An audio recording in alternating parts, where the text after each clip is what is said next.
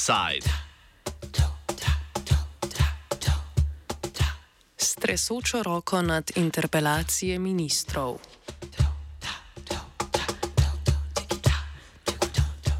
Poslanci Nove Slovenije s prvopodpisanim vodjo poslanske skupine Janezom Ciglerjem Kraljem so skupaj s poslanci Svobode in socialnih demokratov v parlamentarni postopek uložili predlog ustavnih sprememb, ki vsebinsko posegajo v postopek imenovanja vlade.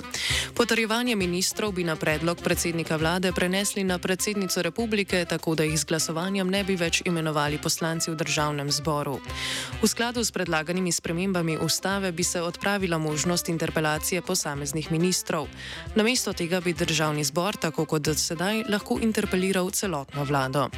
Z zakonom o vladi se ne bi več urejalo število ministrstev, temveč bi bilo to v domeni vsakokratne vladne koalicije. Zakon bi urejal le pristojnost in delo na področju vlade in posameznih ministrstev. Razlog za vložitev predloga ustavnih sprememb je na včerajšnji tiskovni konferenci predstavil Cigler Kralj. Na tem področju velja, lahko rečem, zastareli socialistično-skupščinski sistem imenovanja vlade. Predlagatelji so podpisniki tega postopka za spremembo, pa želimo ta postopek narediti sodoben, parlamentaren, morda celo lahko rečem bliže nemškemu sistemu. Kajti nemški sistem je učinkovit, je racionalen, če hočete, malo za šalo, malo za res, če je kdo racionalen v Evropi in v svetu, so to Nemci. In ta cilj zasledujemo.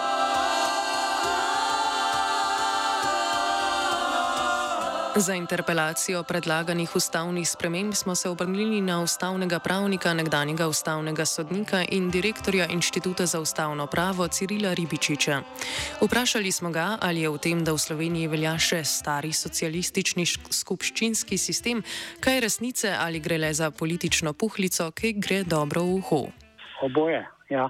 Namreč dejstvo je, eh, gospod Cigar, naprav z tega vidika, da je to taka ureditev, kot je bila že v prejšnji skupščinski ureditvi, ko je skupščina bila najvišji organ oblasti in je imenovala sodnike, imenovala ministre. Z eh, tega vidika ima prav. Če pa pogledamo, zakaj se je to zgodilo in zakaj o tem že po ustavi ne odloča predsednik republike, potem pa vidimo, da so zadnje bile druge silnice. In sicer demos kot takratna vladajoča koalicija se je bala vedno in se še vedno boji predsednika republike. Zaradi tega, ker sama ne uspeva za svojimi kandidati na predsedniških volitvah. In eden od razlogov je bil za to ureditev, ki jo imamo, res v tem, da je to enako, kot je bilo včasih. Drugi razlog je bil pa v tem, da so se zavedali, da bo Milan Kučan verjetno ponovno izvoljen in so zaradi tega zmanjševali njegove pristojnosti in takrat je prišlo do več takih sprememb glede imenovanja sodnikov, glede imenovanja ministrov in še glede nekaterih drugih eh, manjših eh, podrobnosti. Cigler kralj je pri predlogu ustavnih sprememb izpostavil predvsem pospešitev postopkov, ki zadevajo oblikovanje vlade. Mi računamo, da je ta predlog NSI s podporo dveh cenjenih strank uh, zdaj dober nastavek, ker je tudi bliže stroki in bliže nemškemu sistemu, ker gre za, lahko rečem, um, skoraj enak sistem kot v Nemčiji, čist parlamentarni sistem, ki ni pokvarjen z raznimi, eh, lahko rečemo, drugimi vnosi, ki bi vseeno postopek zavlekli. Če je agenda Nove Slovenije, da bi Slovenija s spremenjeno ustavo stopila na pot Nemčije, Ribičič izpostavlja, da smo na njej pravzaprav že kar nekaj časa. Torej, to ni novost. Ne? E, mi smo šli po poti Nemčije že pri pisanju ustave in smo iz Nemčije vzeli en institut, ki je svetovno zelo znan kot ena posebnost e, Nemčije, to je konstruktivna nezaupnica. Ta daje kar veliko moč e, predsedniku vlade kajti predsednika vlade ni mogoče zamenjati drugače, kot da se imenuje novega predsednika vlade.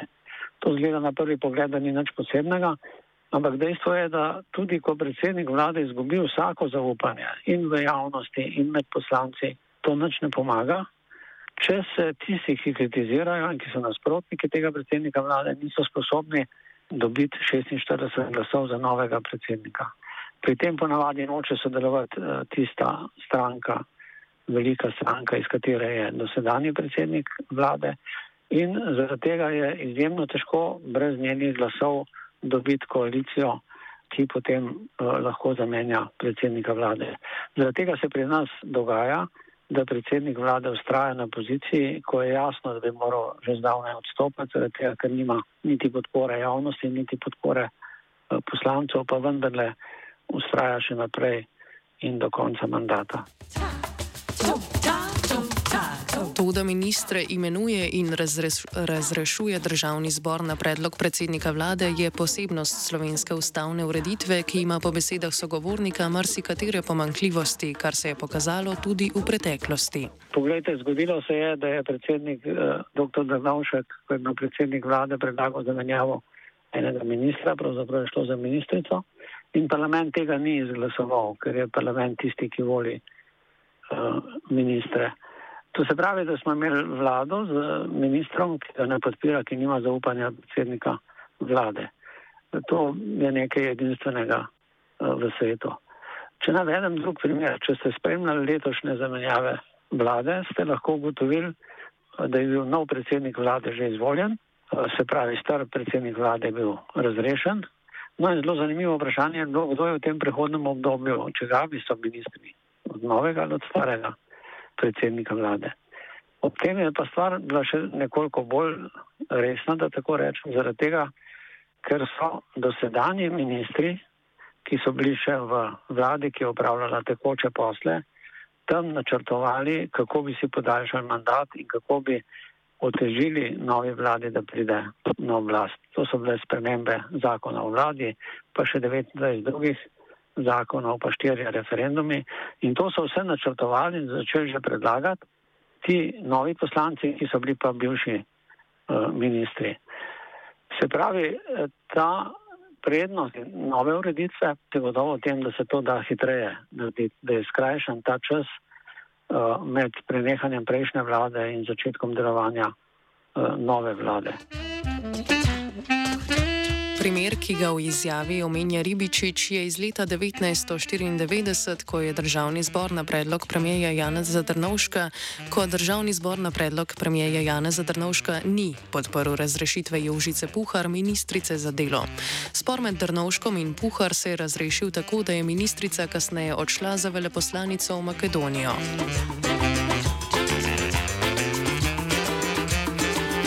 Za sprejetje predlaganih ustavnih sprememb je v državnem zboru potrebna absolutna kvalificirana večina, torej dve tretjini glasov vseh poslancev.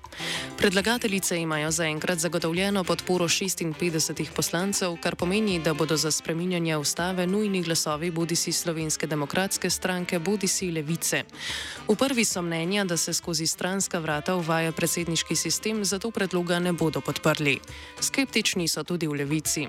Vodja poslanske skupine Matej Tašner Vatovec pojasni, zakaj poslanci levice svojih podpisov k predlogom niso prispevali. A gre za predlog, po katerem bi po novem ministersko ekipo imenoval predsednik republike na predlog predsednika vlade, kar se nam zdi prevelik poseg v trenutno razmerje, ki obstaja med izvršno in zakonodajno vejo oblasti. Podobni predlogi, sicer nekoliko drugačni, so že v preteklosti bili in v levici se z njimi nismo strinjali. To bi pomenilo zelo praktično, da bi parlament izgubil možnost zaslišanja ministrov pred imenovanjem in pač podaje mnenja glede ustreznosti kandidatov, predvsem pa tudi možnost interpelacije posameznega ministra oziroma ministrice, kar je po naši oceni nepotrebno. Gre kljub vsemu, ne glede na to, da je vlada kolektivni organ, delo posameznega ministrstva je zelo specifično, tako da tudi ugovori predlagateljev, da še vedno ostaja interpelacija celotne vlade, na katero bi moral odgovarjati predsednik vlade, nas ne zadovolji ta, ta razlaga, tako da to sta dva glavna vidika oziroma ključni glavni vidiki ta krminje demokratičnosti. Ne, ne na zadnje državni zbor praktično edini, edina institucija, ki je neposredno voljena na volitvah.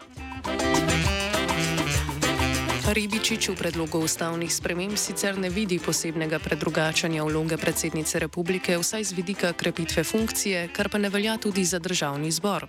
Ja, če bi sam imenoval ministra, bi se njegova funkcija okrepila predsednika vlade. Tako pa ne. In je vprašanje zdaj, ali se krepi funkcija predsednika republike, ki imenuje ministra na predlog eh, predsednika vlade. No, ta, mislim, da, da neka okrepitev to ni. Ne. Uh, iz teh razlogov, o katerih sem govoril, je smiselno, da predsednik republike imenuje ministre in ne parlament. Se pravi, da se tudi vloga predsednika republike tukaj bistveno ne krepi. Uh, res je, da seveda zdaj slabi uh, nadvorstvena funkcija parlamenta, državnega zbora, zaradi tega, ker ne more več interpelirati in izreči nezaupnico posameznemu ministru. Samo moramo se pa spomniti tudi situacije, zlasti dr. Danovšek, je bil mojster na tem področju. On je vedno, ko je predlagal nekoga za ministra, rekel, to je najboljša možna rešitev tega trenutka. Ko ga je pa zamenjaval, je pa rekel, ja, se jaz sem tega ministra predlagal zaradi tega, ker sem vedel, da moram iskati človeka, ki bo dobil večino v državnem zboru, drugače ga vi ne bi izvolili. In torej ste vi soodgovorni za to, da sem ga imenoval. Zdaj, ko zahtevate mojo odgovornost zaradi slabega dela tega ministra, vam jaz povem, da je to vaša odgovornost. Odgovornost tistih, ki ste izvolili uh, ministra.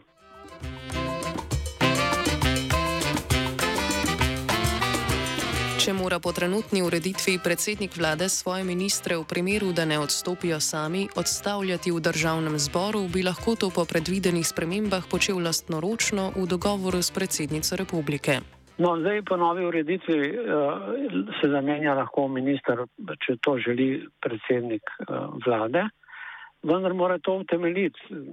V praksi pa mora prepričati predsednika republike. Če ne bo predsednik republike rekel ne, nočem ne in potem pa mora dodatno utemeljevati.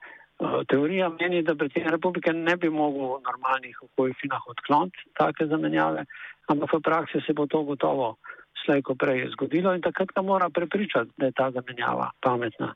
Res pa je, da ga zdaj ne more več zamenjati proti volji predsednika vlade eh, državni zbor, ki ga je lahko. To seveda po eni strani pomeni, da ima predsednik vlade pač večjo oblast nad svojimi ministri, ampak po drugi strani se pa odgovornost predsednika vlade tukaj razširi. Razširi, ker če bo kaj narobe s kjerim koli ministrom, poslanci nimajo druge možnosti, kot da grejo proti, eh, eh, da napadejo, da tako rečem, predsednika vlade in zahtevajo njegovo zamenjavo.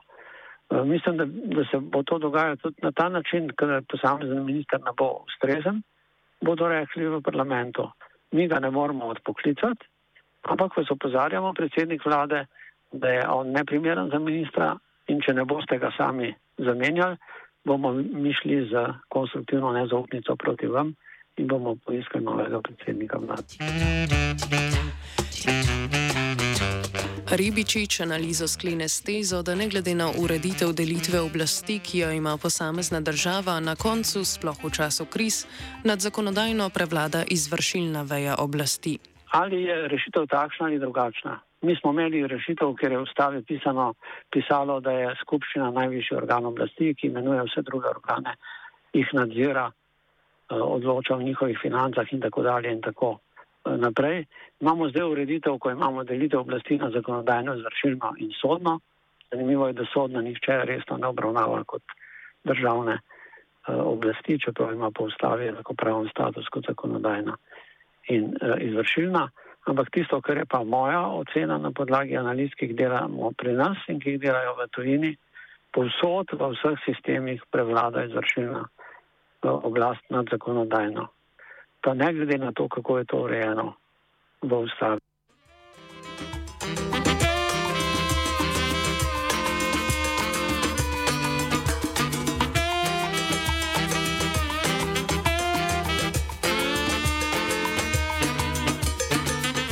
Za spremenjanje ustave bo moralo svoje glasove v državnem zboru prispevati vsaj 61 poslancev. Zdi se, da bo jeziček na tehtnici levica. Tašner Vatovec pove, kakšni bodo nadaljni koraki stranke in ali na tej točki vidijo kakšno možnost kompromisov, da bi spremembe na koncu podprli. To je šele začetek eh, postopka. Za uložitev predloga je potrebnih 20 podpisov poslank in poslancev, tako da to je v tem trenutku zadoščeno. Kot sem že dejal, v včerajšnjih odzivih eh, ne nasprotujemo temu, da se opravi neka širša razprava. Bomo tudi imenovali eh, člana v strokovno skupino, ki bo pripravila ta predhodni pregled predloga in podala neko stališče do tega. Tako da v tej fazi bomo pač prisluhnili, kaj imajo vsi za storiti, ampak um, ne, vem, ne bi se še pogovarjal o kompromisih. Pač ta predlog, ki je sedaj uložen, je zelo pač direkten, govori o tem, da se pač prestojnost prenaša, tako da tu uh, ne vidim veliko uh, manevrskega prostora, bomo pa seveda v stranki še opravili pogovore o tem, uh, na kakšen način se spoprijeti s tem vprašanjem. Glede na razmerje moči v parlamentu, v katerem imajo koalicijske stranke trenutno 53 glasov poslancev, opozicijska Nova Slovenija pa jih lahko prispeva še 8, je manevrskega prostora za spreminjanje ustave na več področjih dovolj. Tako je že v postopku predlog sprememb ustave, ki ureja imenovanje ustavnih sodnikov. Na predlog sodnega sveta bi imenovanje prenesli z državnega zbora na predsednico republike. Vendar se zdi, da je začetni zanos, ki je bil prisoten ob nastopu mandata vlade, Roberta Goloba, da poseže v ustavo tako pri spremembi volilnega sistema kot ustanovitvi pokrajin, zbledel. Tako se postavlja vprašanje, ali je sprejetje sprememb ustave glede imenovanja vlade, ki smo jih obravnavali v današnjem offsajdu, sploh verjetno. Kot pravijo, se ustava spreminja s tresočo roko. Na koalicijskem trojčku s koncesijsko partnerico Novo Slovenijo pa je, da jo skupnimi močmi toliko umirijo, da do kakršnih koli sprememb na koncu sploh pride.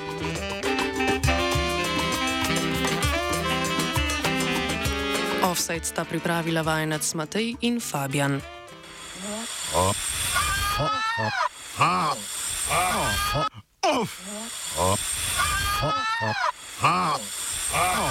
Offside.